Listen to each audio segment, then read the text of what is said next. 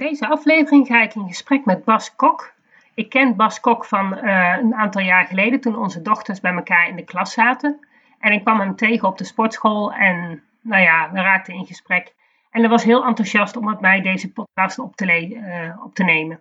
Hij, uh, Bas is werkzaam in het onderwijs. Hij is begonnen als, als, als leerkracht basisonderwijs, maar inmiddels is hij opgeklommen tot um, reken, rekenmeester voor mensen aan het ROC. En hij wil daar graag over vertellen vandaag.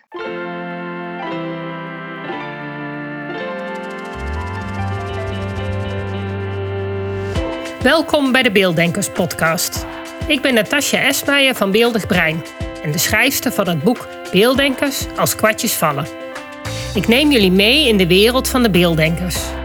Beelddenkers zijn creatieve, intelligente en zorgzame mensen, maar ze hebben moeite met onze vluchtige, snelle maatschappij. Dat begint al op school en het werkt door in het werkende leven.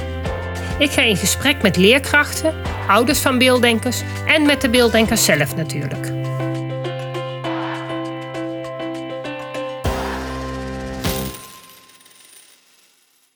Ik eh, zit hier om tafel met Bas Kok.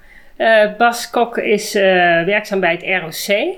Uh, Bas, zou jij kunnen vertellen wie jij bent en hoe jij bij het ROC terecht bent gekomen? Ja, mijn naam is Bas Kok. Ik heb ehm, jarenlang in het basisonderwijs gewerkt. Natuurlijk eerst PABO gedaan.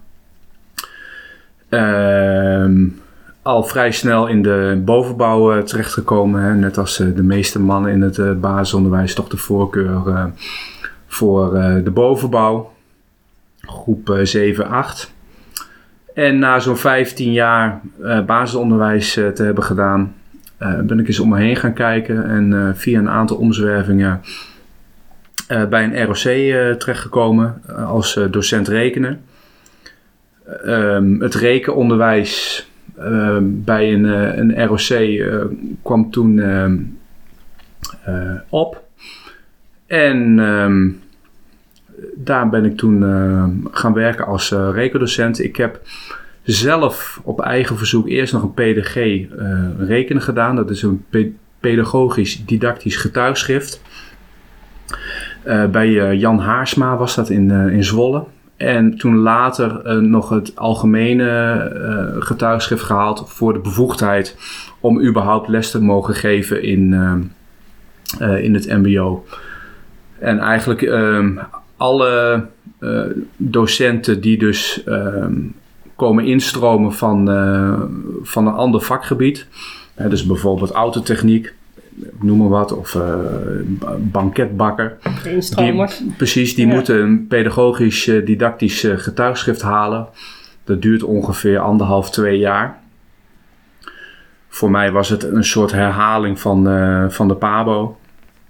En dan haal je bevoegdheid om uh, les te mogen geven in het, in het MBO. En omdat die voor rekenen niet bestaat, hè, omdat dus de opleiding uh, rekendocent niet bestaat, moest ik dus een, dat getuigschrift halen en mij dus docent rekenen kunnen noemen. Ja, nou, het is wel heel apart, een docent rekenen, want het rekenen is natuurlijk toch eigenlijk nog wel, zeker in het basisonderwijs, een ondergeschoven kindje zijn veel uh, vrouwelijke leerkrachten. En die zijn vaak heel talig. Maar het rekenen wil er nog wel eens bij inschieten. Nou ben ik zelf natuurlijk ook wel heel erg van het rekenen. Ik ben maar een vrouw. Dus er zijn zeker, en ik denk zeker dat meisjes net zo goed kunnen rekenen als jongens. En het ruimtelijk inzicht is een beetje anders. Nou, dat, eh, dat verschil tussen mannen en vrouwen, dat heb ik zelf meer gezien in het basisonderwijs. Hè. Dat ja, uiteindelijk dan de, uh, de mannen die les blijven geven, of die geen directeur worden, dan uiteindelijk toch allemaal voor, uh, ja, voor groep 7, 8 kiezen. En in het, in het MBO weet ik dat niet. veel collega's van mij in het OOC zijn ook, of zijn, daar zijn vrouwen bij. Dus daar, daar zie ik dat niet zo. Nee? nee. Meer een basisonderwijs. Ja, en, en hoe zie, zie jij dat bij de leerlingen? Zie jij verschil tussen leerlingen, tussen meisjes en jongens? Of daar verschil is in uh, rekenvaardigheden? Of maakt het eigenlijk niet zoveel uit? Um, eh, omdat ik nu werk bij, ehm, eh, eh, of afgelopen jaren veel heb gewerkt met studentenverzorging en verpleging. Heb ik dus sowieso te maken met vrouwen. Oké, dus je kan geen vergelijkingen maken. En nee, nee, nee. die vergelijkingen ben ik in de afgelopen tijd uh, kwijtgeraakt. Maar uit het basisonderwijs ehm, zag je dat wel. dus door de bank genomen Ehm, hè, en uitzonderingen daar gelaten. Er zijn uh, jongens meer met een voorkeur voor rekenen en uh, meisjes meer met een voorkeur voor taal. Maar dat, ja, dat is dan um, ja, het gemiddelde. Hè, ja, en uitzonderingen, nee, je hebt altijd uitzonderingen, uitzonderingen daar gelaten. Ja. ja. En ik denk ook wel dat een bepaald soort mensen kiest voor bijvoorbeeld een PABO of een verzorgende opleiding. En dan heb je bepaalde eigenschappen en dat is wel of geen rekeneigenschappen. Dat heeft daar niet altijd wat mee te maken. Maar ik kan me voorstellen als je goed bent in rekenen, dat je sneller geneigd bent een beta-kant te kiezen. Waardoor je meer in de techniek terechtkomt. Ja, dat waardoor klopt. daar natuurlijk dan de mensen die goed kunnen rekenen naartoe gaan. Ja. En daar kies je niet voor als je niet zo goed bent in rekenen. Ja, dat zie je dus ook gebeuren uh, bij ons op de ROC. Dus dat wij zitten naast de afdeling techniek. En daar zitten vooral uh, jongens. En die komen dan uh, af en toe even een rondje lopen zo over onze afdeling. Zo even om, uh, om ook in aanraking te komen met, uh, met dames. Ja. ja. nou ja, dat is toch ja. wel... Ja, maar dat, dat zie je, dat zie je, gewoon, dat zie je gewoon gebeuren. Ja, ja. ja. grappig. Ja. Ja. Die voorkeur. Ja. ja. En met wat voor leeftijdsgroep werk jij nu? Um, ik werk um, op een ROC, dus daar zijn uh, bolleer, bolleerlingen en BBL-leerlingen. De bol-variant, dat is de beroepsopleidende variant. En dat, die leerlingen die gaan naar school en lopen daarna stage. En de beroepsbegeleidende variant, die um, studenten die hebben dus al een baan. En die komen dus één, één dag in de week bij ons uh, uh, op school. En die uh, in de andere dagen zijn ze al, zijn ze al aan het werk. Dus ja. er, zijn, er zijn twee varianten. En meestal zie je dat, um, dat de bol-variant mensen zijn die jong zijn. En die dus eerst in het voortgezet onderwijs hebben gezeten. En, en, dan bij ons komen om, om een beroepsopleiding te doen. Ja, en de BBL-variant, dat, zijn, dat kan van alles zijn. Hè? Dat, mensen die van beroep veranderen of van een werkgever nog weer een, een, een andere opleiding mogen doen. ja, enzovoort, enzovoort. En dat is wel heel, heel afwisselend aanbod in, in studenten. Ja, dat is interessant. Ja. Um, nu gaat deze podcast natuurlijk over beelddenken. Uh, heb jij ook het idee dat jij, uh, want jij bent zelf ook een beelddenker, jij weet er wel iets van, maar uh, kun jij, zie jij verschil in leerlingen? Kun jij ze eruit pikken? Um, in het werk wat ik nu doe, dus ik ben eerst uh, uh, rekendocent geweest, dus dan, dan benader je een, een hele groep en je, je, je krijgt dan vragen en je neemt uh, mensen apart. En ik werk nu met, ehm, met studenten helemaal individueel, dus ik kan gewoon gaan vragen en, en of in, gesprek gaan met, met studenten over hoe zij rekenen. En uh, ik ben zelf, uh, ik heb een voorkeur voor, um, uh, ja, voor een, een, ja, een visuele stijl bij mezelf. Hè. Daar ben ik wel zelf achter gekomen. Maar ik kan wel automatiseren. Hè. En ik heb me dat wel zelf destijds aangeleerd. Maar hoe, hoe, oud was jij toen je leerde automatiseren? Echt al op de basisschool? Ja, ja. Ja, ja oké. Okay, ja, dat, ja, dat lukte bij jou wel. Ja, en daar heb ik zelf nooit, nooit over nagedacht. En ik heb dat wel gezien in, um, uh, in het bas, basisonderwijs natuurlijk. Dat je, ja, uh, wat je ook probeerde, dat het bij sommige uh, kinderen niet lukte. En die kom ik nu als volwassene tegen in, het, in het beroepsonderwijs, waar dat nog steeds niet lukt. En waar ze dus een, een rekentoets moeten halen. En ja, dat er allerlei manieren zijn. Uh, ja, om dat te, eh, te omzeilen. Hè? Dat je, eh, ja, eh, ik had ooit een, een docent Nederlands en die, die zei van nou, als je het niet snapte, dan is het verzin een list, Tom Poes, zei hij dan. Dus ja, je moet wat bedenken ja, om, de, om er via een omweg toch te, Ja. toch te komen. En ja, meestal lukt dat wel. En als er echt sprake is ehm, van, eh, van ha- hardnekkige dyscalculie bijvoorbeeld, waar ik dus wel een student voor, voor ogen heb waar ik nu mee werk, dan is dat heel moeilijk om, Ja. eh, om dat te bereiken. Maar als jij eh, gewoon een dosis gezond verstand hebt, ja, dat klinkt een beetje cru, maar het, is, het, is, het is eigenlijk dat je merkt van dat bij iemand die verbindingen in die, in die hersencellen niet gemaakt zijn. En dan, dan moet je er dus omheen. En, ehm, ja, en, en heel vaak lukt dat. Ja, uiteindelijk wel. Uiteindelijk Ja. wel, ja. Ik denk ook dat je scheelt dat je natuurlijk met iets, iets oudere mensen werkt. Dan heb je ook al iets meer eh, beschikbaar over je hele hersenen. Onze hersenen, hersenen zijn op een gegeven moment ook natuurlijk uitontwikkeld. Ja, Terwijl op de basisschool zijn die hersenen helemaal, die zijn nog in ontwikkeling. kun je Dus nog, kun je nog kneden. kun je nog Ja. kneden, maar daar heb je natuurlijk ook zo dat er natuurlijk nog een, een gedeelte nog niet ontwikkeld is. Waar je dus ook nog geen gebruik van kan maken. Ja, Dus dan zit je natuurlijk in een ander stadium te werken. Ja, Het ja. is wel zo, op het moment dat het er nu nog helemaal niet is, is het lastig om het nog weer te krijgen. ja. En ehm, je had het over de rekentoets. Wat, eh, hoe zit het eh, met de rekentoets? Want die hebben ze geprobeerd in te voeren, maar dat is nog steeds niet gelukt. Eh, hij is wel een tijdje afgenomen geweest. Ik weet dat hij bij mijn dochter nog op het eh, diploma staat. Want die heeft er nog wel moeten doen. Dat op het VWO. ja. Maar volgens mij eh, is die op het moment weer helemaal uit de picture. Ehm, het wordt steeds uitgesteld. Het is nu in verband met corona nog weer een jaar uitgesteld om dat verplicht te maken.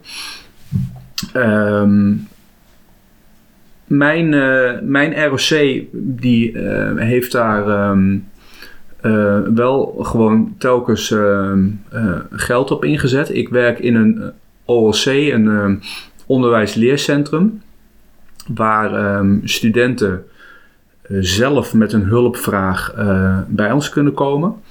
En het rekenen is in het vakkenpakket verplicht. Dus ze moeten de, eh, de, de rekenmethode die a- aan wordt geboden, die, ehm, eh, die moeten ze behalen. En met, eh, met een 6. Oké, en dat geldt voor alle opleidingen? Het Ehm, ja, dat geldt in principe voor alle eh, opleidingen. Alleen bij ehm, de opleidingen waar ik voor werk, dus voor verzorgenden en verplegenden, komt ook het medisch rekenen om, Ja. eh, om de hoek Het kijken. lijkt me heel cruciaal dat ze daar toch daar inzicht in hebben van... Ja, Ja. hoe groot is iemand en hoeveel medicijnen moet hij hebben? Nou, als Ja. je daar fouten in maakt, Ja, lijkt me toch een belangrijk stukje. en eh, daar slagen ze niet voor met een 6, maar met een 10 moeten ze daar. Ze moeten dat foutloos kunnen. Ja, ja. Nou, dat is wel heel prettig om te weten. Ja, eh, dus dat, toch wel dat iemand naast je staat en die dan het infuus moet instellen waar je dan volledig van afhankelijk bent en dat hij dat goed doet. Ja, het is wel grappig eigenlijk om te zien hoe belangrijk dat rekenen soms kan zijn.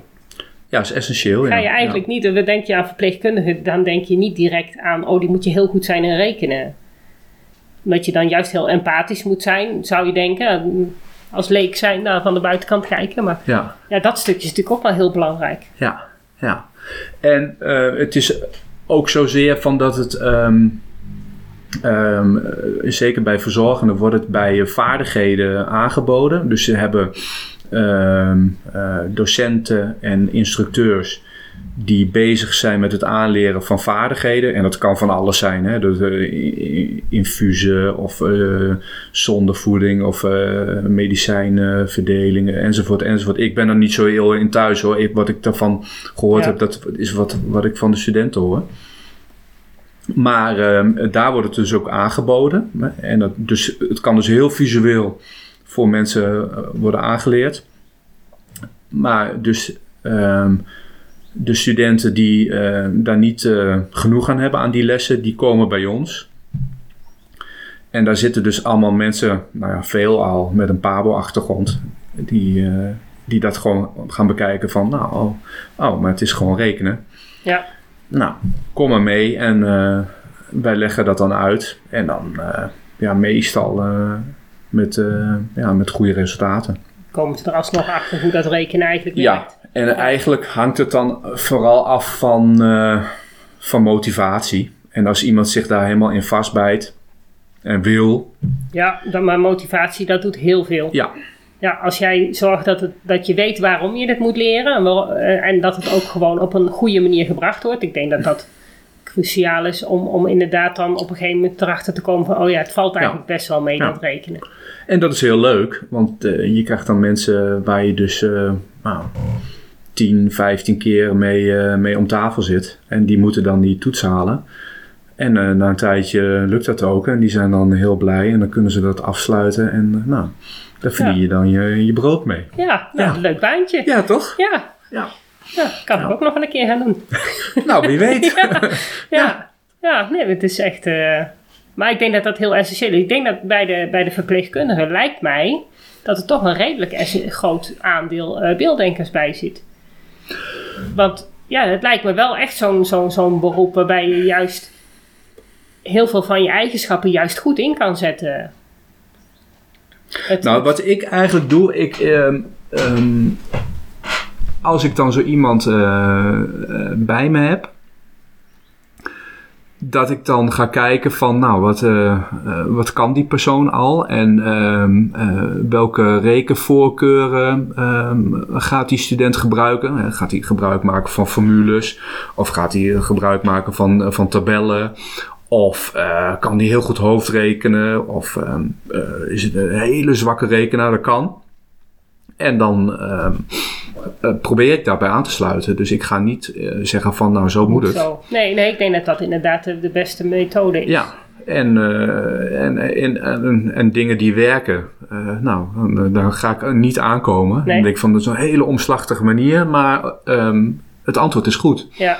Nou, dan, dan, dan moet die persoon ehm, daar heel veel tijd aan besteden. Maar als het goed is, dan is het goed. Dan ga ik daar niet... eh, Ga je niet aan me. Ga ik niet roeren, nee. weet je, kijk eens, wat jij doet is eh, eigenlijk hetzelfde als dit, alleen jij doet er, maar je hebt nog wat meer stapjes nodig. Soms kun je eh, wel samen tot ontdekking komen van dat ja. ze inderdaad de, eigenlijk Ja. hetzelfde doen, maar dan Ja. met een aantal extra. Maar als die, die voorkeuren is met, met formules, of dat die, die, die aangeleerde voorstel, of, of die aangeleerde eh, rekenvoorkeur uit die lessen, waar ik ook met bedenkingen bij heb Ja. hoor, als, als, eh, als, als rekendocent. Maar ik probeer daar niet, eh, want ik Ah. merk dan voor dat, eh, dat vooral ehm, eh, dat heel veel onrust geeft. Ja, zeker Ja. omdat ze maar een korte tijd hebben waarschijnlijk. Ik had hier een meisje die zit dan op de basisschool, groep 7. En ehm, ik wilde graag dat zij. We gingen, het ging over delen. En, nee, wat was het? Ja, delen. En zij had de hapjesmethode.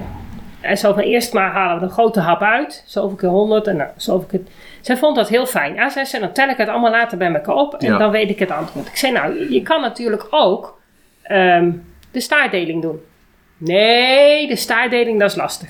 Ja, dat is ook hapjes. ten- Ja, maar dan bij op een andere manier. Ja. Dus, nou, dus, eh, maar de moeder had ook zoiets van, ja, maar op deze manier, eh, uiteindelijk. We hadden op een gegeven moment hadden we een paar dobbelstenen gepakt. Heel groot getal. Ik zei, nou, alsjeblieft, gaan we met je hapjesmethode aan de gang.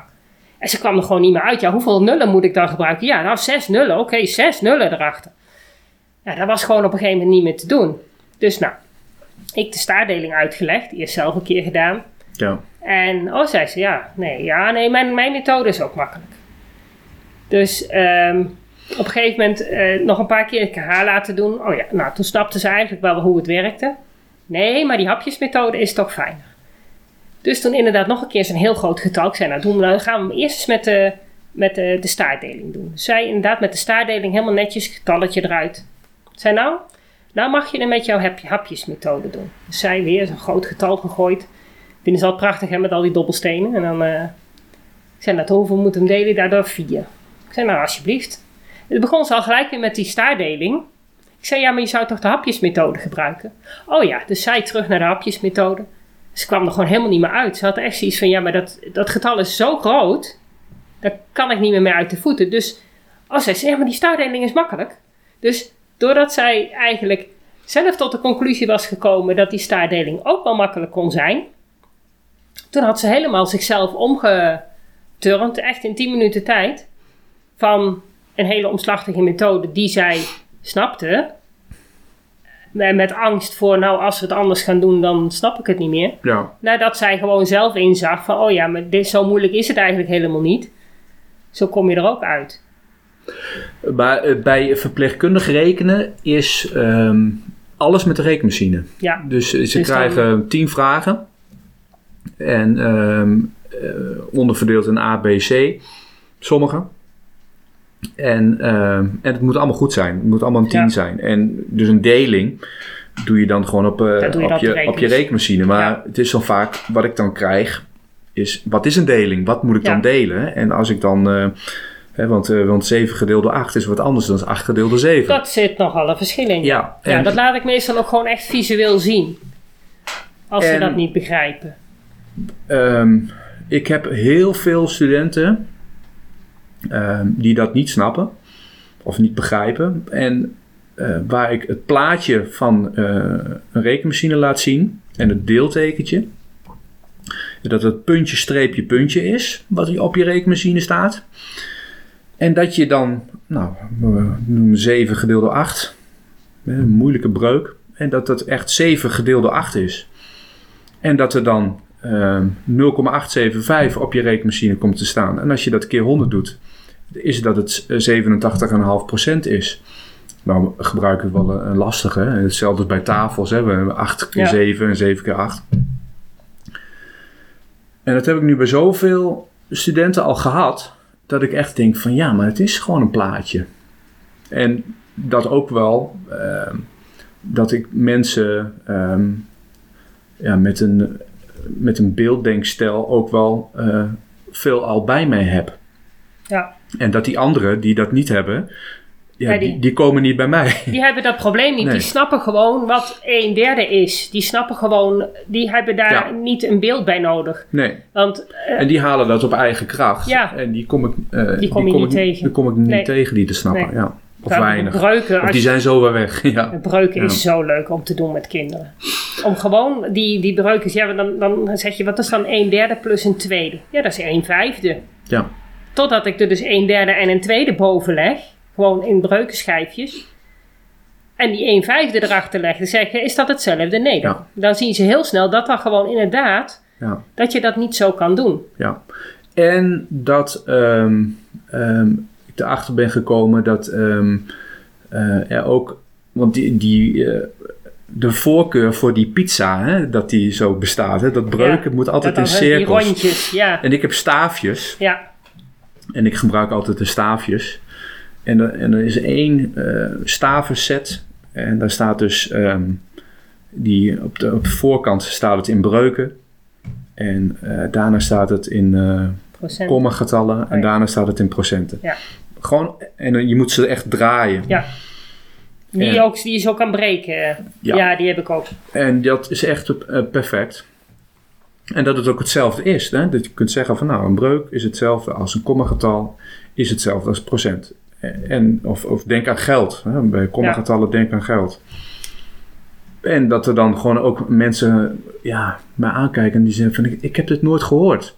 Ik heb dit nooit, eh, heeft me nooit iemand verteld. Nee. In de rekenboekjes gaat het echt puur om eh 1 derde plus 1 tweede. En, en dat blijft bij 1 derde plus 1 tweede. Dan halen ze er inderdaad soms een pizza bij. Of het, eh, de, de, de keersommen gaat van er zitten vier kinderen aan tafel. En die krijgen allemaal twee broodjes. Het staat te ver af van wat het daadwerkelijk is. Nou, en wat ik denk is dat in het basisonderwijs, hè, er wordt dus een, een rekenmethode wordt daar geschreven. En ik heb met verschillende rekenmethodes gewerkt. En eh daar zit dus een bepaalde visie achter, hè, achter die rekenmethode. Dus bijvoorbeeld eh, cijferend rekenen of eh, realistisch rekenen. Wat bedoel je precies met cijferend rekenen en realistisch rekenen? Kun je dat uitleggen? Ehm, eigenlijk het cijferend rekenen is ehm, de, eh, de rekenstof die ik zelf heb gehad hè, eh, in de jaren 80. eh, die ik zelf eh, aan heb geleerd gekregen in, eh, in, in het basisonderwijs toen. Er is toen een stroming ontstaan uh, van uh, realistisch rekenen. Dus het, uh, het rekenen bijvoorbeeld, de staardeling die veranderde in, in, in, in herhaald aftrekken. Dus, of in, in, in, hapjes verdelen.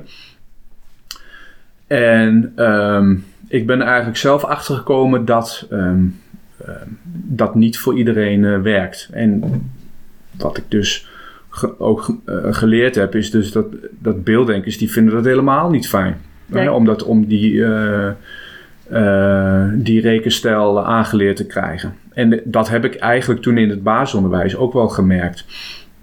Ik werkte toen met een, met een, met een rekenmethode, ik zal geen namen noemen hoor, maar waarvan ik zelf dacht van, ja, maar dit is gewoon helemaal niet handig om dat zo te doen. En bij sommige leerlingen wel, die, die begrepen dat. Ja. Maar had jij ook de vrijheid om die methode naar eigen inzicht een beetje aan te passen? Um, in het begin deed ik dat niet, want um, dat had ook eigenlijk met mijn eigen onzekerheid te maken. Want je denkt van die rekenmethode die heeft gelijk. Ja. Hè? En je, je, wordt, uh, je wordt die rekenmethode um, moet je hanteren. Want je gaat die uh, kinderen, die ga je daarna een jaar weer doorgeven naar je collega. ja. En die werkt ook met die rekenmethode. En je moet wel uh, hè, die sommen zo kunnen, aanleren. dat ze dat dan volgend jaar ook nog kunnen. Ja. Dus er zit natuurlijk een bepaalde opbouw in. En je wil, je wil een goede collega zijn. En je wil, je wil een goede docent zijn. Maar gewoon echt, als je het SEC gaat bekijken op, op, op de manier van rekenen, uh, had ik daar wel mijn twijfels over. En totdat ik later ook, en toen had ik ook een, uh, werkte in groep 7, 8, dus ik hoefde in principe niet binnen mijn school aan iemand over te dragen. Nee. Hè, want je gaat ja, van. het laatste restje. Precies, of je gaat van groep 7 naar, uh, naar groep 8. Dus dan ging je het overdragen naar jezelf. Oh ja, jij, dat is heel makkelijk. Had, had ze ook de laatste twee jaar had jij dezelfde klas? Ja. Ja, dat is fijn. Ja. ja. Maar ook dat je, um, daar had ik ook een directeur en die zei ook, Bas, uh, uh, dit is de, de methode en dat is de handleiding. En daar mag je in schrijven, in kalken en in je briefjes in en weet ik allemaal wat in doen. Uh, dat is helemaal niet erg, want uh, die, die, methode na 10 jaar, dan uh, 10, 12 jaar, dan, dan gaat die weer ja. weg en dan komt er, weer een, komt er weer een andere methode. En als dat voor jou werkt, is dat goed. En uh, als je dus die, die, ehm, die methode niet, of in groep 5, 6 werkt, of in, dan, dan wil je, wilde je dat netjes houden, want je wist ja. niet welke klas je daarna kreeg. Dus als je zegt van nou, ik ben het gewoon hier, wat hier staat gewoon helemaal niet mee eens. En je plakt er gewoon een, een velletje overheen. En van, nou, ik heb het op die manier uh, gedaan. gedaan. Ja. Dan weet ik dan het jaar erop, scheelt mij dat weer denkwerk. Want dan, dan kijk je gewoon van, oh, oh dat was het toen. Oké. Okay. En dat scheelt gewoon een heleboel in je, in je voorbereiding en in je uitleg. Als ja. je dat gewoon opgeschreven hebt. Als je dat netjes bijhoudt. ja.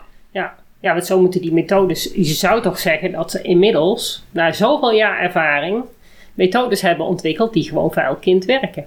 Of in ieder geval dat je een methode hebt die uh, de, de, de, het rekenen op meerdere manieren aanbiedt, zodat meerdere kinderen het gewoon ook, ook kunnen begrijpen. Want dat is eigenlijk wat, waar ik eigenlijk op aan wil sturen, maar ja, voor zover ik daar invloed op heb, is dat je gewoon rekenen niet op één manier aanbiedt, maar zeg van nou ja, voor sommige kinderen werkt deze methode, maar voor andere kinderen werkt een andere methode. We ja. doen het alle twee. Ja.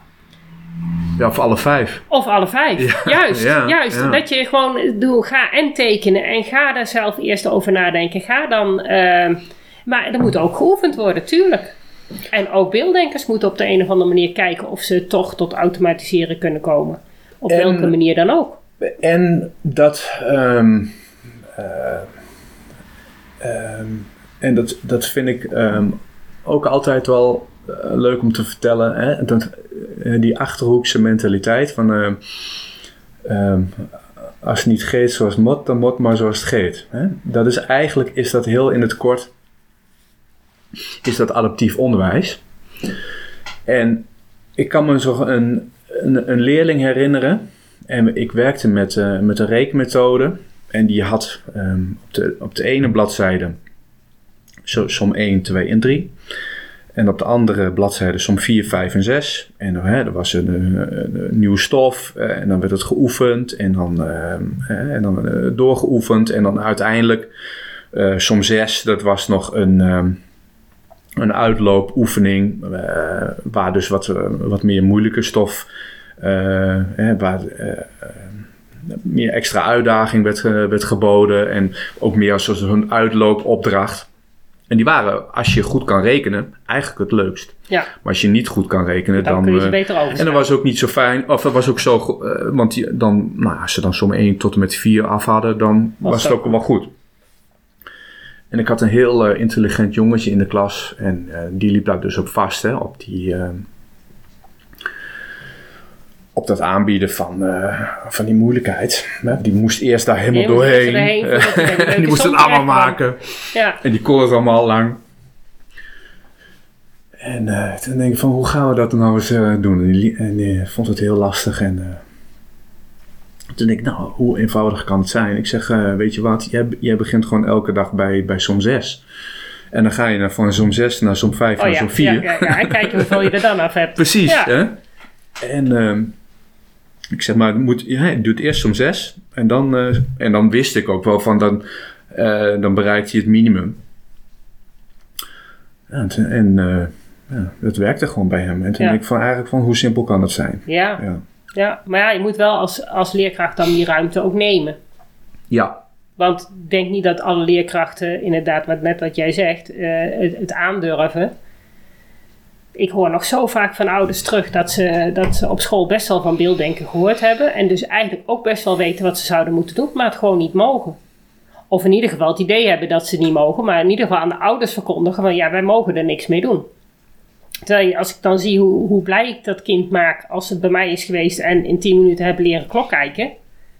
Hij dan helemaal trots iedereen gaat vertellen, ik kan klok kijken.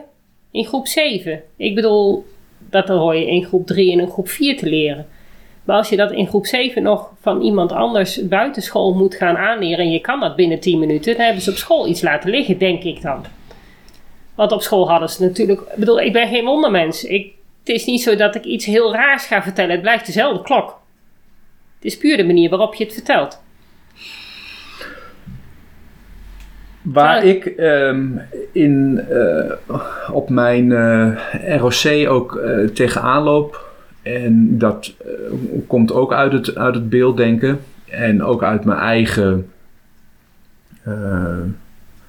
ja, eigen ontwikkeling en hoe ik, hoe ik zelf leer, is dat ehm, ja, van, het, van het deel naar het geheel of van het geheel naar het deel. Hè? Dus dat ik mensen bij me krijg.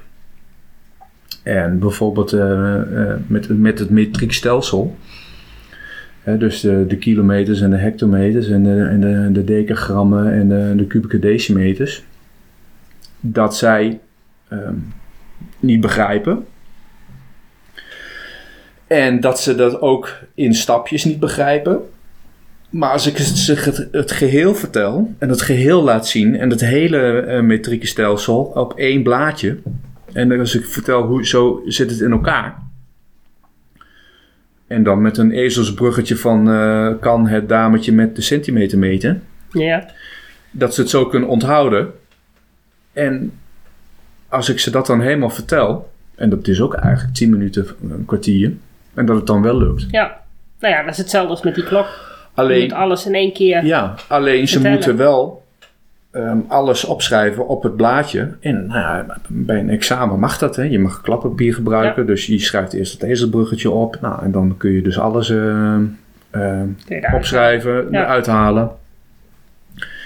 En dat ik zeg van nou, eh, als er een tweetje staat, hè, dan is het met twee nullen. En staat er een drietje, dan is het met drie nullen. En dan zegt ze, oh, echt? Ja, echt? Ja. ja. Ja. En dat kun je dan helemaal inzichtelijk maken. En je kunt het natuurlijk ook helemaal begrijpen. Maar ja, als dat op een of andere manier niet lukt, ja, dan, dan moet je wat anders verzinnen. Ja, ja. Ja, ik ben ook wel hier gaan meten. Ik denk, wel, ja, wat is dan een millimeter, maar wat is dan ook een decameter? ja. Ja, eh meet er maar uit. En dat ze dan ook zien dat het steeds tien keer zo groot wordt. En dat dat ineens heel snel gaat. Ik zei, ja, die kilometer, die, eh, dat is een heel eind verderop. eh. ja. ja. Maar dan krijgen ze wel het inzicht. Maar zo wordt het volgens mij op middelbare scholen ook wel gedaan hoor. Dat ze inderdaad ehm, dingen visueel moeten maken. Het is niet zo dat ze het helemaal niet begrepen hebben op school. Maar het is jammer dat het nog zo weinig aangeboden wordt. Op de lagere school ook heel veel, zeker juist wat, wat, wat, wat intelligentere kinderen met de tafels. Dan begin je inderdaad in die boekjes met een, een tafeltje met vier kinderen eromheen. Hebben ze totaal niet in de gaten dat ze met de tafels bezig zijn. Keersommen, wat betekent dat? Het ene jongetje dat, dat, dat gewoon in groep, begin groep 5 nog geen idee had wat uh, een keersom is, terwijl die met gemak alles, alle sommen uit kan rekenen. Maar ook splitsen, splitsen kan ik niet. Maar hij doet het wel in zijn hoofd. Alleen die tussenstapjes begrijpt hij niet hoe hij die kan plaatsen. Ja, maar ik, um, ik weet niet hoe het uh, inmiddels in, de, in het basisonderwijs, welke rekenmethodes uh, die zullen ook. Uh, is nog heel, steeds veel, heel veel oefenen. Ja. En het is ook heel veel um, begrijpend lezen. Dus elke keer weer uitvinden um, wat er voor som verstopt zit in, de, in het verhaaltje. Zeker als jij wat lagere intelligentie hebt. En ja, je dat is nog steeds zo. Dat is al lastig ja. is. Ja, dan ben je bij elke som aan het uitvinden wat, wat je nou eigenlijk moet uitrekenen. Op het moment dat je eindelijk hebt uitgevogeld wat je moet uitrekenen, dan is het niet meer zo moeilijk. Maar dus, ja, voor sommige kinderen is dat gewoon echt heel belastend. Dat ze gewoon elke keer weer. Terwijl de meeste kinderen die zien gelijk, oh nou ja, dat bedoelen ze ermee. Daarbij kun je gewoon weer aan het rekenen. Maar als jij steeds met dat begrijpend lezen moet gaan uitvogelen van wat, wat is hier de bedoeling van, van welke som zit erin verstopt. Ja, en, maar uh, ik, ik, ik, ik, hou me nog steeds vast aan de, uh, of, aan de essentie eigenlijk wat er telkens uh, gebeurt. Want als je dus, je, je geeft die rekenles, je hebt allemaal kinderen voor je neus. En het aanbod is natuurlijk onwijs verschillend. Hè? Je hebt kinderen voor je ehm, die straks als ze volwassen zijn ehm, vele, maat, vele malen intelligenter zijn dan jezelf. Ja. Hè? En je krijgt mensen die uh, helemaal aan de andere kant zitten en alles ertussen. Ja. En je gaat dus zo'n rekenmethode ga je, ga je uitvoeren. Hè? En, en, en gaan, uh, je, je wordt geacht dus om die bepaalde rekenstijl uh, dan te doen. Bijvoorbeeld uh, nou, via realistisch rekenen hè, ga je alles op de getallenlijn zetten. Of ga je een honderdveld gebruiken, zoals ja. vroeger. En hè, dat, dat, is, dat is allemaal discussie. Hè? En dat zie ik nu ook in, in, in het MBO nog steeds gebeuren. Bijvoorbeeld ga ik een vergelijking of ga ik een uh, verhouding, ga ik dat uh, uitleggen via 1. Hè, dus ik ga eerst delen door, uh, door wat is het dan van snoepjes kosten. ga, 200 gram. Ja. Ga ik eerst ja. naar 1 gram en dan ja. ga ik naar 57 gram. Ja. Dat kan. Hè? Of je kunt, uh, uh, je kunt een kruisvergelijking maken. Hè? Dus je, gaat, uh, je gaat schuinkeer en je gaat delen en je, en je hebt het antwoord. Nou, dat is een, een, trucje. En er zijn mensen die zeggen: van, Oh, dat mag niet, dat is een trucje, dat is heel slecht en zo. En je moet het inzichtelijk rekenen. Hè? Dus je moet eerst, hè, die, wat er in het basisonderwijs gebeurt, is die, die vergelijking heel lang maken zo. Maar ik denk van ja, als een student het uitrekent en het antwoord is goed, dan is het klaar. Als je op een gegeven moment doorhebt hoe dat trucje in elkaar steekt. Ja. en je kunt het al, en je, je die, moet toepassen. Ja, en je kunt die kruismethode. Ja uh, kun je altijd gebruiken. Prima, maar um, ik mag ook als docent daar, uh, mag ik niet gaan zeggen van ja, um, uh, het moet op één manier. Je moet het zo uitrekenen, want ehm, ja, anders raakt iedereen in de, in de war. En ja. zo. Eh, dat, is, dat is de dat keuze is, die gemaakt ja. wordt. Hè? Want je, ja. je brengt de mensen alleen maar van hun. Uh, en toch denk ik, als je ze vanaf het begin af aan alle twee die methodes aanleert en laat zien hoe ze in relatie tot elkaar staan, dan denk ik niet dat ze in de war raken. Als je eerst de helemaal eerste uitgebreide ene methode en dan pas die tweede, dan, dan wordt het lastig. Maar, ja, maar als er nog vijf zijn, je kunt het op vijf manieren uitleggen. Ja, dan, dan, dan zou je natuurlijk ook met z'n allen kunnen bedenken van, goh, hoe, hoe zouden we het kunnen doen? Ja. En dat ehm, ook nog worden dingen worden omgedraaid. Dus dan, ehm, eh, eh, als je dus bijvoorbeeld hebt over ehm, kilometers per uur, of over meters per seconde, dan vind ik dat de kilometers bovenaan in de tabel moeten staan. Oh ja, En de tijd moet onderaan Is handiger, staan. Is ja. wel handiger, hè? is Ja. wel handiger, Ja. ja. ja. En dat het er dus met druppels per minuut, met zondevoeding bijvoorbeeld, of met een infusie, vind ik dat dat ook zo moet. Ja, is wel handiger. Is ja. wel handiger, want het is Ja. gewoon een verhouding. Het ja, is- maar dan is het ook visueel, klopt het dan ook? ja. Maar Ja. dan zegt iemand van, Ja. ja, maar dit is ehm, eh, geven gedeeld door de voorraad. Dan denk ik, Oh. geven gedeeld door de voorraad? Ja, maar dat zijn weer van die, van die kreten dat Ja. ik denk van helpen, hoe, hoe, als je dat allemaal moet gaan onthouden. Ja, totdat je begrijpt wat ze daarmee bedoelen. Maar Ja. Dat, dat, dat is denk ik voor iedereen een eigen proces. ja, en als iemand, en als het dus ook een docent dat aanbiedt op de kop, Ja, En ook nog eh, eh, van links naar rechts niet Mm. doet, maar van rechts naar links gaat rekenen. Mm, dan wordt het wel heel erg lastig. Ja, ja, Ja. Nou, dat is de dagelijkse praktijk Ja, van ons. Ja, ja, ja, fijn. En dan nee, nou ja, goed, daar verdien ik dan mijn brood mee. Ja, en, eh, dat geeft niet. en ik zet dat gewoon nou, weer wat op ik een veel rijtje. doe is, is als, als kinderen niet begrijpen, gewoon laat ik ze tekenen. Laat ik ze tekenen wat ze aan het uitrekenen zijn. Dat werkt ook heel echt inzichtelijk. Ja. Want dan moeten ze ineens er een plaatje van maken. En dan eh, eigenlijk valt halverwege het kwartje al van... Oh ja, maar dat ben ik aan het doen. Ja. ja. En er zijn er ook ehm, ehm, eh, bijvoorbeeld met, eh, met, met- met recepten. Hè, eh, wordt vaak als, eh, als examenmateriaal gebruikt. En dat je dat ook gewoon al tekenend kunt, kunt oplossen. Maar dan, dan zeggen studenten van ja, maar dat is me veel te veel werk. Dat Ja. kost me veel te veel tijd. Ja, maar ja goed, als het werkt, dan is het goed. Ik wou net zeggen, Ja. als je daardoor weet wat je aan het doen bent... Ja. Lijkt me toch En dat is wel heel leuk. Ook, of, of, ehm, ehm, eh, of dat ik te maken heb met, met buitenlandse studenten die rekenen hebben geleerd in Syrië. Ja, ja, maar dat zou ook heel anders zijn. Ja, ja, en dat ik ook denk van, oh ja, zo kan het ook. Hebben ze daar dezelfde getallen? Dat dan weer wel, denk ik. Ja, Ja. ja. ja. Maar ja, ik kan me ook voorstellen dat ze daar bijvoorbeeld ook sneller van eh, rechts naar links. eh, want daar schrijven ze volgens mij wel van rechts naar links. Ja, en, de, Dus de- dan en zal het rekenen ook best wel eens andersom geschreven kunnen worden. En dan hebben ze een laptop hebben ze helemaal eh, van rechts naar links eh, ingesteld. En dat, is wel erg grappig. Dan kun je er Ja. helemaal niks mee.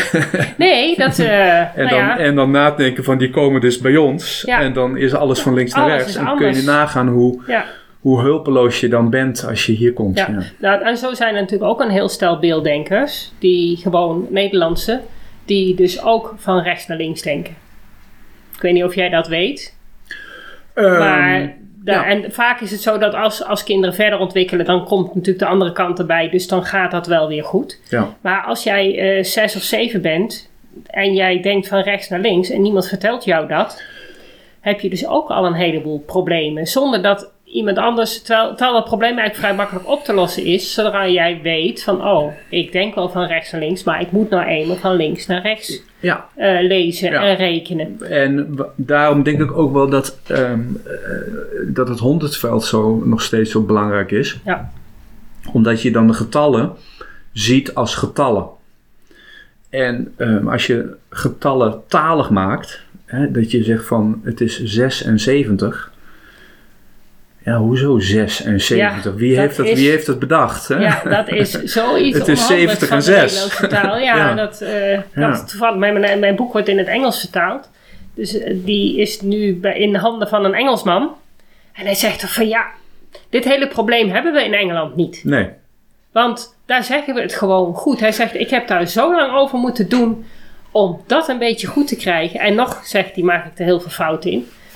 Maar ik denk dat nog ook gewoon volwassen Nederlanders, ook taaldenkers, daar nog steeds fouten in maken. Ja. Het is zo en dan denk ik van hoe gaat het dan in het Frans? Hè? Dat je zegt Ja, van, maar die eh, gaan helemaal lopen rekenen. 89. ja, dat is Ja. nog beroerder. 4 keer 20, Ja. 10, 9. Ja, je Ja. leert er wel rekenen van, denk ik Je dan. leert er wel ja. van rekenen. Ja, dat Ja. zit er automatisch in de taal in. eh. ja. Krijg je cadeau. Ja, dat Ja. is... eh, nee, dat kan nog beroerder, maar... Maar die zeggen wel fijn en eh, Dus die zeggen wel 20 en 1. Ja. 20 en 2. Dus dat is dan wel weer... eh Ja, daar hebben ze dan wel weer goed. dat dan weer wel. ja, maar eh, zodra ze boven de 60 of de 70 komen, wordt het drama. Ja. Ja. Wie dat ooit bedacht heeft, dat kan toch niet? Maar Ja, goed.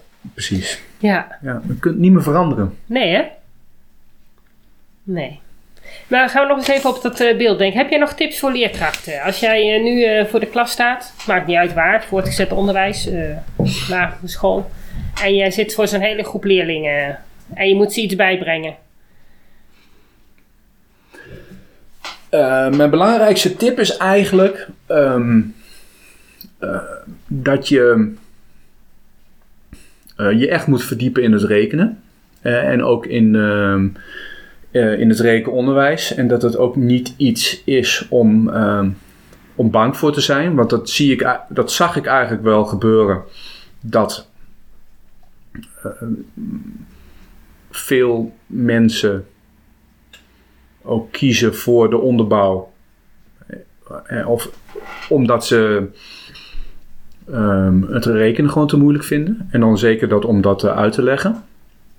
En omdat ze het zelf al lastig vinden om te rekenen, laat staan om het dan goed, eh, goed aan te te leren. Eh, dat zag ik wel eh, veel gebeuren. Ehm, maar ook om, als je daar dan bent, eh, vooral in de bovenbouw, om dan gewoon zelf je, je gezond verstand eh, te gebruiken. En niet blind te gaan op die, op die rekenmethode die je hebt.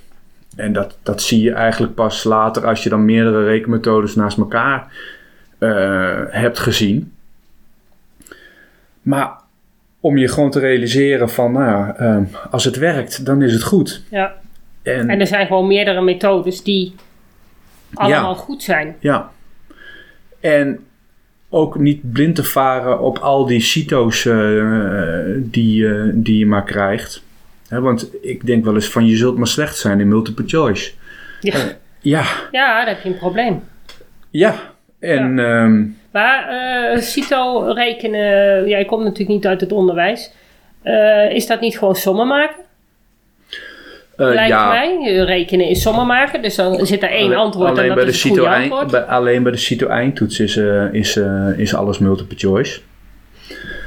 Ehm, maar bij, eh, bij eh, het- de meeste vragen die, die worden gesteld is het, eh, is het multiple choice. Omdat het door de computer moet worden nagekeken. En Ja. die kan alleen maar... eh, Ja, want ik heb ook wel eens, eh, eh, ik weet dat ik wel eens een keer de, de rekentoets. En dan moesten ze de, de getallen intypen. Maar dan bijvoorbeeld maar met één getal achter de komma. Deed je twee getallen achter de komma, was het antwoord fout. Ook al had je hem eigenlijk helemaal goed. ja, Dus daar gaat het heel vaak fout. ja, Dat is veel met al die iPad-onderwijs. Dat het, eh, het, het is maar alleen maar zo goed als je het helemaal goed gespeld, helemaal goed, alle spaties goed, alles goed. Ja, dat is eh, bij die, die rekenmethodes Ja. die wij nu hebben op school. ehm, daar wordt dus wel ehm, ehm, die punt eh, automatisch ingevuld. Oké.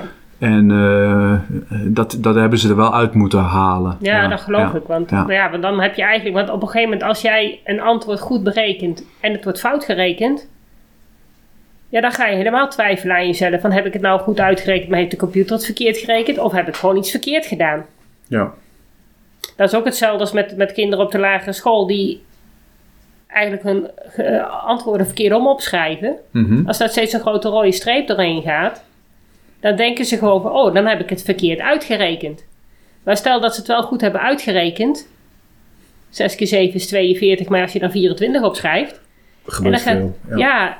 maar als, als daar niet uitgelegd wordt van, goh, je hebt het alleen maar verkeerd om opgeschreven, ja, wa- wa- hoe moet je het dan uit gaan rekenen? Ja, Want je komt toch steeds op dat, die, ja. vier, of die 42 uit. Ja, BD-omkeringen en zo. Ja, maar dat, dat, dat, dat wordt zo op de Pabo wordt dat, Dat zo, Pabo, ja. wordt dat zo goed verteld. Dat eh, als je dat niet... eh, ja ze dat, is daar op zich Ja, wel eh, ja, aandacht voor? Ja, ja, toen- tenminste toen ik op de Pabo zat wel hoor. Ja. Maar eh, ehm, eh, mijn tip is eigenlijk... ehm, ehm, en ik, ik geloof ook wel dat dat gebeurt hoor. Dat, eh, dat eh, het realistisch rekenen, dat het ook eh, niet als, als waarheid moet worden gezien. Je, ehm, je waarheid is je eigen waarheid. Jij bent dan de leerkracht. En, en, en jij moet met, met die kinderen die jij hebt, wat je aanbod dan is, daar wil jij het, het, het beste mee, mee, mee doen. En dat is ook een fantastische handen naar buiten les. En dat is ook een leuke, eh, leuke tekenles. En dat, de gymles moet ook eh, fijn gaan. Dat rekenen is daar, is daar een onderdeel van. Maar ehm, ja, ehm, doe wat je, wat je zelf het beste denkt. Hè? Ja. Dat, eh, en laat je niet beïnvloeden door, ah, door de zoveelste eh, handleiding van eh, de, de CITO. Of, eh, of ga strepen in die handleiding en ga er lekker in kladderen. En, ehm, en dat, dat scheelt je tijd in, in het jaar erop. Want dan, dan heb je het er voorbereid en dan, dan, ja, dan gaat het Dan lopen. gaat het makkelijker. Ja. En eigenlijk de belangrijkste tip. ehm, en dan hadden we het ook over het verschil tussen jongens en meisjes. Ehm, en dat, dat eh, vond ik ook een hele belangrijke tip, is, ehm, is met lezen. En ook die, al die, eh, die begrijpend leestoetsen. En ik zie dat nu ook weer met, met, met examens Nederlands. En laatst was ehm, eh, Arjan Lubach, die had er ook een mooi stuk over, over, over het begrijpend lezen. Het, het, het wordt aangeboden als een soort puzzel. Hè? Het, het is meer puzzelend lezen.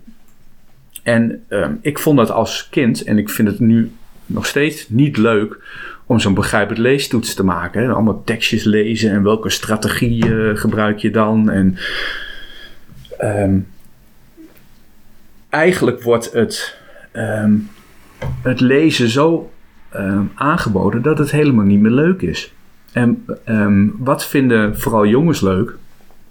Die vinden het leuk om gewoon te lezen over een onderzeeër, of over dinosaurussen, of over eh, geschiedenis, of over eh, le- lekker in een atlas eh, lezen en, en, en bladeren en ook plaatjes kijken.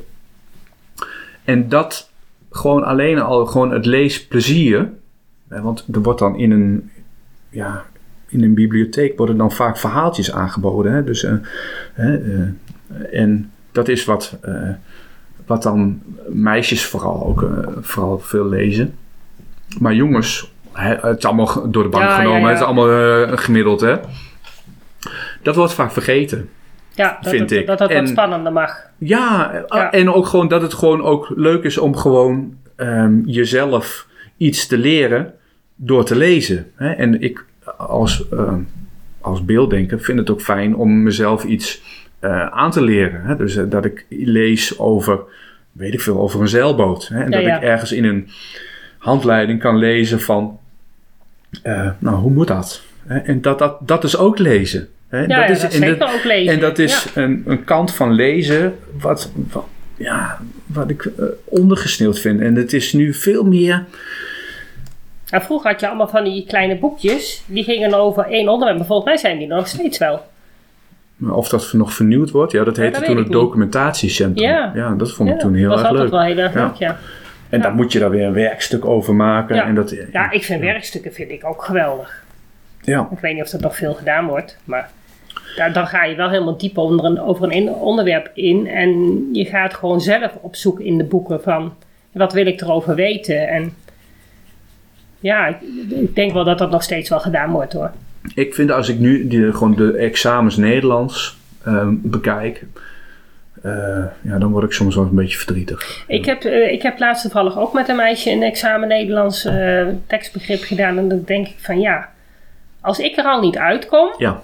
Ik twijfel ook over ik heel heb veel precies antwoorden. van ja, dat antwoord Ja. ja. En dan, dan ga je dus bij de antwoorden kijken. Ja, dan is het toch weer een ander antwoord. En ik zie ja, hoe komen ze daar aan? Waarom? Ik bedoel, als ze toch begrijpt lezen. Ik begrijp precies waar de tekst over gaat. Ja. En dat is begrijpend lezen. Hoe ga, maar niet wat voor constructie is het. eh, wat heeft de, de, de, de, de, de, de, ene persoon met de andere persoon te maken. De vragen die gesteld worden, die begrijp ik niet. Ik snap niet waarom ze dat willen weten. Het gaat niet om, heb je de tekst begrepen?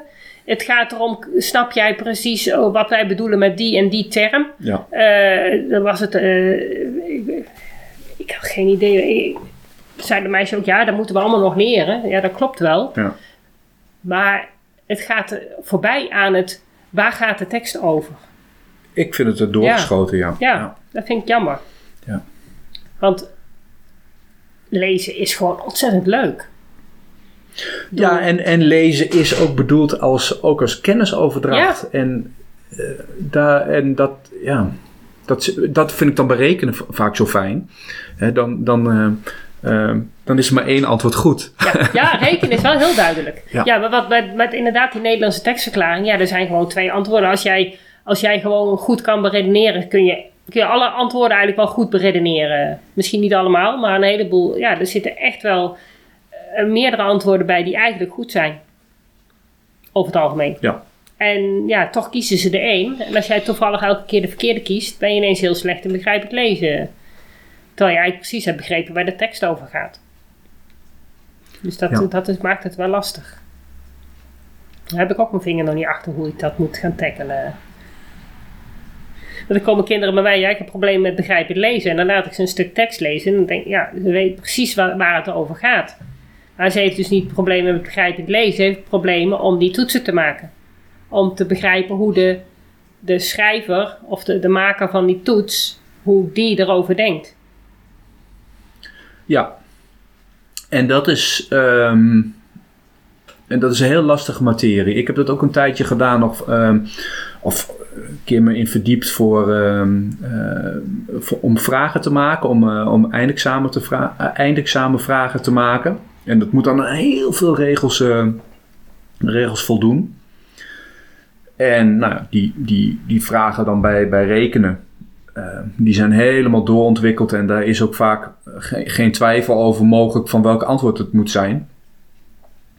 Maar in de methode ehm, ehm, is dat niet het geval. En daar zitten wel eens, nou, ja, tussen aanhalingstekens, slechte vragen tussen. Hè? Dus Ja. dat iemand het heel anders benadert en denkt van ja, maar als je het zo benadert, eh, ja, dat kan ook, dat is ook goed. En ja, bij, een- bij een computer eh, Ja, eh, er niks eh, lukt dat niet dan. Nee. nee. Ja, maar dat zie ik wel heel vaak. ehm, dat kinderen of in de methodetoetsen heel goed zijn en in de CITO heel slecht scoren, of juist andersom. Ja. Maar En dat- meestal het eerste. Ja, en dat is ook tip voor, eh, voor eh, leerkrachten basisonderwijs. Van, ja, vaar daar niet blind op. Hè. Je, je hebt je eigen eh, methodes heb je, heb je bijgehouden. Hè. Je hebt daar een rapportage van. En dan op een gegeven moment dan, dan komt die, eh die, die CITO-eindtoets. En die kan dan ineens een heel ander beeld laten zien. Ja, en waar komt dat dan door? Hè? Eh, eh, dat is dan jouw, jouw oordeel. Want jij hebt dat kind een jaar, misschien wel twee jaar in de klas gehad. En jij hebt daar dan beeld van. En jij gaat met, met die ouders in overleg voor zijn schooladvies. Ja, En ik heb ook wel gehad dat, dat ik CITO-toetsen had en dat ik dacht van hoe kan dat heel slecht ineens? En terwijl het nou, naar mijn idee gewoon eh, een prima eh, MAVO-leerling eh, was. En dat ik ook gewoon zei van nou, ze gaat gewoon naar de MAVO. ja. En dat de ouders ook zeggen, maar ja, die CITO-toets is slecht. En, eh, ja, maar goed, mijn andere ik wou net zeggen, beeld... het is denk hè? ik eerder leidend dan een Ja. CITO-toets. Ja, en dan is er ook weer zo'n eh, momentopname. Maar ja, ehm, als ik er zo eh, over nadenk en over het, eh, ehm, over het hele verleden, dan kun je die CITO- CITO-eindtoets eigenlijk gewoon afschaffen. Want ehm, je- er wordt een leerlijk volgsysteem gebruikt en dat begint bij de kleuters en Ja. het eindigt bij groep 8. Ja, en er wordt eigenlijk zelden nog van afgeweken. Ja, en dan Ja. moet er ook nog weer zo'n eh, entree-toets. Dat vond ik helemaal Ja. verschrikkelijk. Dat was veel te uitgebreid. Enorm. Ik denk van, nou, eigenlijk kan die er gewoon uit. Ja. ja, je hebt natuurlijk inmiddels al wat meer. Je hebt ook nog de NIO en je hebt er nog een aantal, de, de, de IEP-toets. Ja. Ja, er ik- ik-. Ik denk eigenlijk dat het meer van, eh, van de onderwijsinspectie moet. Dat ze beeld Ja, kunnen ze- hebben van... ik denk eh, dat ze op een gegeven moment een vergelijk willen kunnen maken. Ook voor, voor naar de middelbare scholen toe. Dat die op een gegeven moment, anders dan heb je natuurlijk ook ouders die zeggen van ja, maar mijn kind kan wel naar de HAVO. Terwijl dat kind eh, op zijn tenen loopt om inderdaad net aan die score voor de HAVO te halen. En misschien veel beter af is op de MAVO. Of andersom. Dus ik denk dat je dan wel uitfiltert dat een aantal eh, ouders of, of leerlingen of, of, of, of, of de leerkrachten zelf, die daar toch een vertekenend beeld krijgen van een leerling, dat die hun zin doordrijven. Maar ja, Eh. natuurlijk toch wel een soort van eh, vergelijk nodig. En dan is zo'n CITO-score wel voor een, voor een middelbare school wel makkelijk om te zeggen, maar ja, maar daar, dat, dat gaat niet lukken. Maar van mij mag die afgeschaft worden hoor, daar niet van. Voor mij ook. Het, Ja. eh, afgelopen jaar hebben ze hem ook niet afgenomen, toch wel? Volgens mij is dat ook prima gegaan, toch? Vanwege, Dat vanwege corona, is dat niet ja. gebeurd? Nou, dan Ja, hebben volgens mij hebben ze die overgeslagen. Zelf, ik bedoel, eh ze zullen mijn zich, dochter heeft ook geen examen mee, mee gered hebben, denk ik. Ja. Ja. Ja. Nou ja, dat mag te gaan nemen. Die heeft al acht jaar, eh, loop je zo'n kind al te, te, te volgen. Ja. Maar ook daar komt denk ik niet altijd, omdat dat voornamelijk toch de CITO-testen zijn die, ge- die gepakt worden en niet de methodetoetsen. Daar komt ook een ander beeld uit natuurlijk.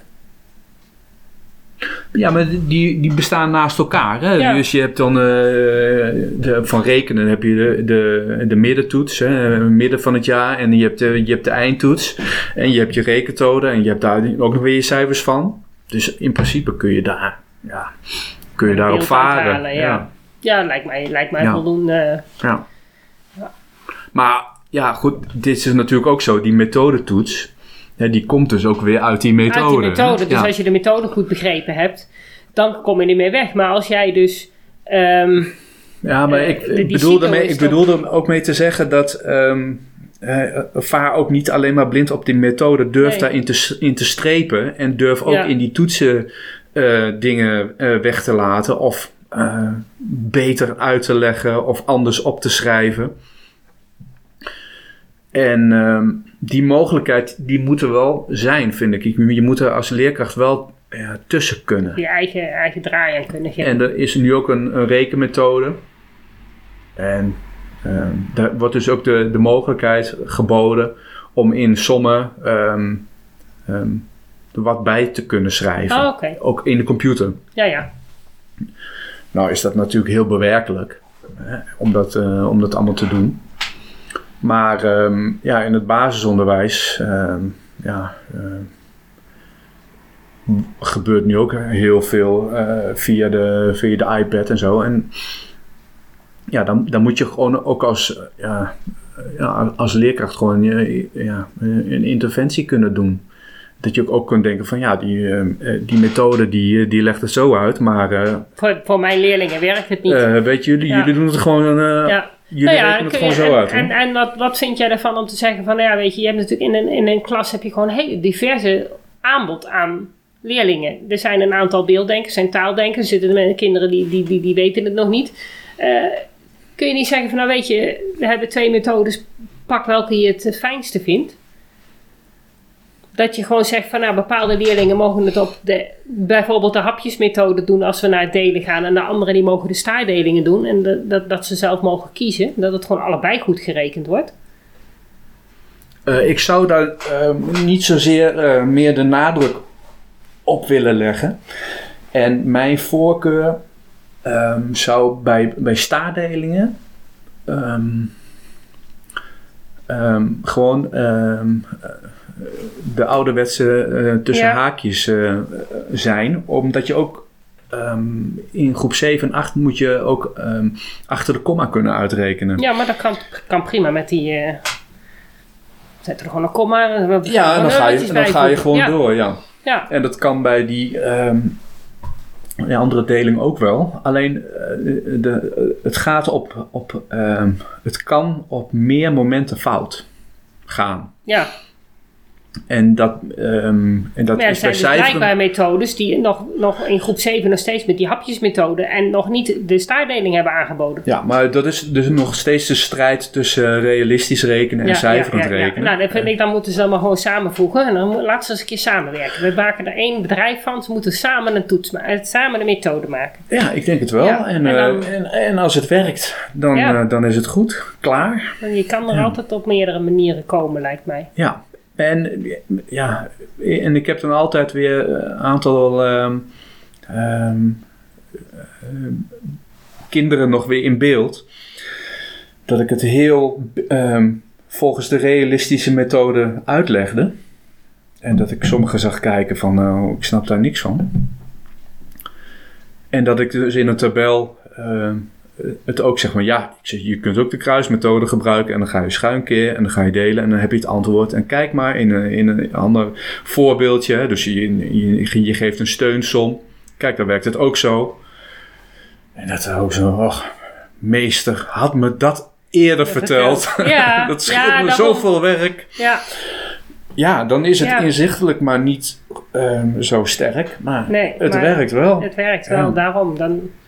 En het antwoord is goed. Ja.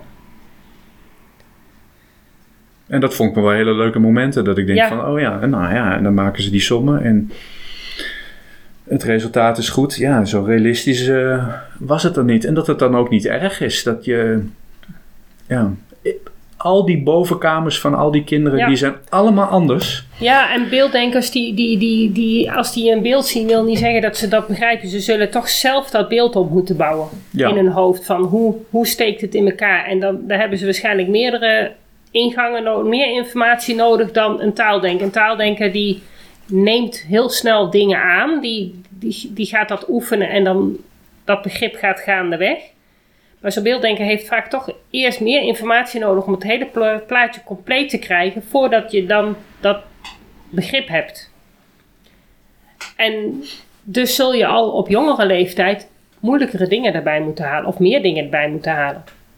Je hoeft het niet heel moeilijk te gaan maken, maar je moet wel al uh, gaan vertellen van ja, waar heb je het straks voor nodig? Ja. Uh, waar, met dat bijvoorbeeld dat 100 veld, van, dat je kan zien als je in groep 3 alleen maar tot en met 20 aan de gang gaat, hebben ze geen idee waar ze eigenlijk mee bezig zijn. Totdat je de, de sommen tot 100 alvast laat zien.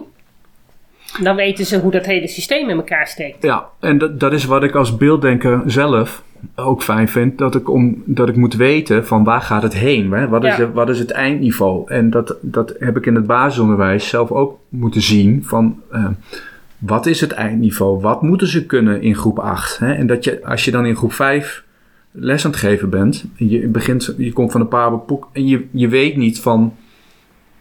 Ja, je weet wel een beetje, maar je, Mm. je weet niet het eindniveau. Nee. Ja, je weet wel ongeveer, maar je hebt nooit met een klas eh, groep 8 gedaan. Nee, dus eigenlijk zou je als beginnende docent eerst groep 8 moeten doen, dan groep 7, dan groep 6, dan groep 5, dan groep 4. Zo, dan weet je alles precies. Eh, nee, ja, voor rekenen misschien, Ja. maar dan Ja, eh, nee. kom je bij, bij het kleuteronderwijs toch ook weer eh, bij hele andere dingen. ja, hoor. ik denk dat je dat van elkaar los Ja, moet koppelen. Die had ik nou laatst aan, aan in het gesprek met Marian van der Koolwijk. Die zei van, ja, we moeten gewoon eigenlijk dat kleuteronderwijs gewoon weer bij de kleuterjuffen laten. Gewoon, dat is zo anders dan dat, dat opbouwende onderwijs van, vanaf groep 3. Ja. Helemaal mee eens, ja. Ja. ja. Dus Maar zou, het, eh, het is wel zo dat op de PABO eh, dat je wel eh, een voorkeur op een gegeven moment in het vierde jaar moet aangeven. En dan ehm, je gaat je wel je, je specialiseren in het jongere kind en het oudere kind. oh, Dus ik ben gespecialiseerd in het, Het oudere, oudere kind, kind. Want ik had Ja, wel gezien ja, van die ja, kleuters van... eh, dat dat is heel goed dat ik dat allemaal gezien heb. En, hè, maar dat is niks voor mij. Ja. Oké. Ja. Nou, toch, de meeste leerkrachten staan echt door. We hadden op een gegeven moment ook een leerkracht op school die ging van groep 8 naar groep 3. Ja, ja, maar niet van groep 8 naar groep 1. nee, nee, nee, nee, dat niet. Nee, groep 1 is denk ik dan toch wel voorbehouden aan een aantal eh, gespecialiseerde, Ja. vooral vrouwelijke leerkrachten, denk ik. Om nog ook die intuïtie Vooral en dat wel, ja. verzorgende en dat, dat inleven. En, en dat, zeker bij kleuters is dat denk ik ontzettend belangrijk. Dat je heel goed naar het kind kijkt, waar het kind staat, hoe ver het al is in de ontwikkeling. En bedoel, dat is Ja, zo Hoewel ik eh, hele goede kleutermeesters gezien heb hoor. oh, Maar dat, dat, denk waren, ik ook wel. Maar. dat waren altijd maar heel weinig. Ja. ja. Ja, maar ik denk dat je gewoon uit een bepaald hout gesneden moet zijn om dat te kunnen.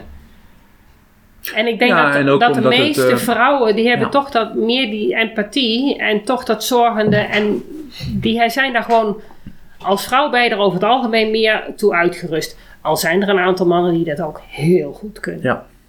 Zeker. Ja, zeker. Die gewoon met kleuters gingen timmeren. Met, Oh, met ja. hamers en spijkers. Ja, ja, ja, geweldig. ja. Ja. Ja, en dan heb je de jongetjes gelijk helemaal voor je gewonnen natuurlijk. Want dat is denk ik wat, wat jongens in het basisonderwijs heel veel missen. Echt gewoon het mannelijke rolmodel. En gewoon inderdaad dat, dat stoeren. En gewoon inderdaad gaan timmeren. En, Ja. eh, Het is een, eh, een baan, als je dat vol, eh, voltijd doet, is het een baan die heel veel van je vergt. En ehm, het wordt heel veel nu door vrouwen gedaan, omdat je het een baan is eh, die je goed parttime kunt doen. Hè? Ja. Vaak hebben ze een man die een volledige baan heeft. Ja. En zij werken twee dagen, drie dagen in het basisonderwijs erbij. En dat is niet zozeer van dat ze niet ehm, eh, vier dagen, vijf dagen dat kunnen doen eh, vanwege hun thuissituatie. Maar ook omdat het een baan is die gewoon heel veel van je vergt. Ja, hè? En. Ja, Ja. en dat je echt je, ook je tijd hebt om daar weer van bij te komen. En dus het wordt veel parttime gedaan. En dat eh, zijn dan vaak vrouwen. En eh, mannen in het basisonderwijs, eh, nou, die nou, in mijn tijd stierven we haast uit. Trekt nu wel geloof ik wel weer een beetje aan, maar nog lang niet. Ik denk dat... eh, lang niet goed genoeg. En het nee. zou gewoon eh, 50-50 vroeger moeten zijn. 50-50, ja. Ik, ik kan me niet anders herinneren dat wij gewoon de helft eh, meesters hadden. Ja. Ja? En dat is ja, zeker jammer. En, Ja. Maar het heeft ook wel te maken met eh, de manier ook, eh, hoe het wordt, eh, wordt aangeboden. En er wordt ook heel veel aandacht besteed aan allerlei randzaken. En dat, ja, daar kon ik mij ook wel eens een beetje aan storen. Maar als ik nu terugkijk, dan denk ik van ik had mij eh, ja, gewoon echt moeten ehm, focussen op de inhoud. Hè? Dus en op de inhoud van het rekenen, de inhoud van, van het taalonderwijs, eh, de inhoud van, eh, van lezen. En, en daar moet je je als, als leerkracht gewoon ehm, eh, eh, je weg in vinden. Je, je moet eh, de achtergrond weten. Je moet weten van waar het naartoe gaat. En je moet dat eindniveau zelf hebben om terug te kunnen gaan. Ja. Ja, en dat is vaak denk ik wat misgaat. Ja. Ja. Dat mensen zelf dat eindniveau helemaal niet hebben. Ja, je zou dus zeggen, je hebt de PABO gedaan, dus dan zou je toch, eh, je hebt toch die, zelf ook die lagere school doorlopen. Je hebt HAVO-niveau, je hebt eh PABO, dus ik bedoel, het is niet een opleiding die je even doet. Nee, klopt. Ja. Dus zou je toch verwachten dat je in ieder geval eindgroep 8 kan rekenen. Ja, ja, ja. Wij ouders leveren ons kind op school. Wij zijn verplicht om ons kind op school af te leveren. En wij, dat weet ik nog van helemaal vanaf het allereerste begin. Ik denk van ja, een leerkracht die weet gewoon alles. Die, die kan dat gewoon. Die heeft daarvoor geleerd. Die... Maar zo werkt het niet helemaal. Nee, maar, vrij het, vlot maar het, dat, ehm, eh, dat, eh, ja, dat, is, dat is gewoon niet altijd zo. Nee, dat klopt. Nee. Nee. Maar dat is ook wel van, ehm, bij mezelf ook het geval hoor, dat ik, dat ik studenten bij me krijg en die komen eens bij mij eh, met, met een som van 3F ehm, op eindniveau van een niveau 4 opleiding en dan in het laatste domein en dan komen ze bij mij en dan is het ook eh, half vier, vier uur 's middags en dat ik denk van nou, ik zie het ook niet meer hoor. Nee, nou nee. En rekenen kunnen ze soms ook heel moeilijk maken Oh.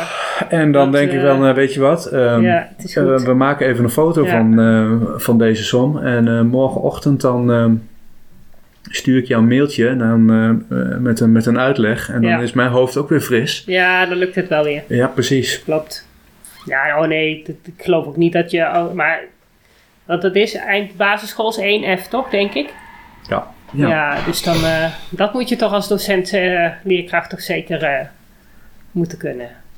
Zou je denken. Ah, maar ik denk toch wel dat je ehm, ehm, het niveau van, eh, van, van groep 8. Kijk, eh, ehm, ehm, in mijn tijd, toen ik op de Pabo zat, ehm, toen was, de, was dat nog niet een, eh, een harde eis. Nee, maar. En als jij dan eh, voor de onderbouw koos, Oh ja. hè, voor, de oudere, of voor het Ja, jongere ja, kind, Ja, ja, ja, dan hoef je nog dan heb je dat rekenen heb je ook niet nodig. En het is voor nu is het zelfs zo voor onderwijsassistenten. Die moeten op eh, 3F eh, rekenen. Ja. En ehm, eh, daar is het wel een... eh, ja, of het echt een harde eis is, ik zit niet bij die opleiding. Maar ehm, dan wordt dat wel een probleem voor sommigen, ja. Ja, dat Ja. denk ik wel. Ja. En dat is ook bij, bij om eh, het kringetje rond te gaan, en bij medisch rekenen ook het, eh, dan het geval. Het is een harde eis om die 10 te halen. En als dat dan niet lukt, vaak lopen ze dan ook vast op andere vakken. Maar dan eh, is het voor, eh, voor sommigen eh, dan niet de mogelijkheid om. eh, Om de opleiding af te ronden. ja, ja, Ja. ja. Ja, maar ja, goed, aan de andere kant wil je ook aan je bed wel mensen die bekwaam zijn en niet eh, mensen die, eh, waarvan jij denkt van ja, ik hoop maar dat het goede naar binnen gaat. eh. ja. want dat is toch wel heel belangrijk. Maar in Duitsland hadden ze nou toch ook een aantal mensen die hadden vijf keer de dosis van het vaccin gekregen. Van het coronavaccin. Ja, dat zijn toch slordige foutjes. fouten maken is menselijk, hè? Ja, maar het is dan ja. wel een rekenfout geweest. ja, dat denk ik wel. Eh, ergens toch iets te veel in die spuit gedaan of zo. Ja. Dat is dan toch wel jammer. Nou is, dat krijg ik verwijt krijg ik ook altijd eh, van de studenten te horen van, eh, ja, maar in de praktijk is alles voorverpakt en eh, wij, Ja, wij, maar niet hoeven, altijd, denk wij ik. hoeven niet zoveel te rekenen. Maar ja, ik denk dat het situaties dat je toch echt het zelf... Nou ja, en ook Voor als nood jij moet ook doen. voor, voor uh, aan lichaamsgewicht moet gaan rekenen. Ik bedoel, ik neem aan dat niet alles zomaar... Ze, ze draaien ook nog wel aan die wieltjes. ja, ja. ja dat, dat eh, er zoveel, ik eh, plasma moet geven... blijft zoveel milligram Ja. per kilo lichaamsgewicht. Ja, dat dat dan, gewoon een verhouding even, is. eh, Ja, Dan moet ja. je dat er even En uitrekenen. dat je dat eh, op een heleboel verschillende manieren kunt uitrekenen. Ja, zie je, toch wel belangrijk dat rekenonderwijs. Ik wil je heel hartelijk bedanken voor dit gesprek. En eh, nou ja, eh, tot de volgende keer. Ja, jij eh, succes met je podcast. Dankjewel. Dat was het weer voor vandaag. Bedankt voor het luisteren en superleuk dat je erbij was. Ik hoop dat je weer een beetje meer ontdekt hebt hoe gaaf, maar ook hoe lastig het kan zijn om een beelddenker te zijn in een wereld die is ingericht voor taaldenkers. Wil je meer weten? Lees dan mijn boek Beelddenkers als kwartjes vallen. Wil je op de hoogte gehouden worden van alle informatie die ik deel over beelddenkers in het onderwijs? Klik dan op de abonneerknop in je podcast-app. Wil je dat er meer mensen op de hoogte zijn van hoe beelddenkers anders denken? Laat dan een review achter, zodat er steeds meer mensen in beweging komen om het beelddenken serieus te nemen. Heb je nog tips of vragen? Of ben jij of je kind een beelddenker en wil jij je verhaal delen? Laat het me gerust weten. Wil je als ouder of leerkracht echt weten hoe het allemaal werkt bij je kinderen of bij jezelf? Kom dan naar een van de cursussen. Duik helemaal in het onderwerp en kom erachter dat beelddenkers helemaal niet zo anders zijn en best in ons onderwijssysteem passen, als je maar weet hoe ze denken. Ik geef speciale cursussen voor ouders en voor professionals. Voor meer informatie ga je naar www.natasjaesmeijer.nl. Samen gaan we voor een beelddenkvriendelijke wereld.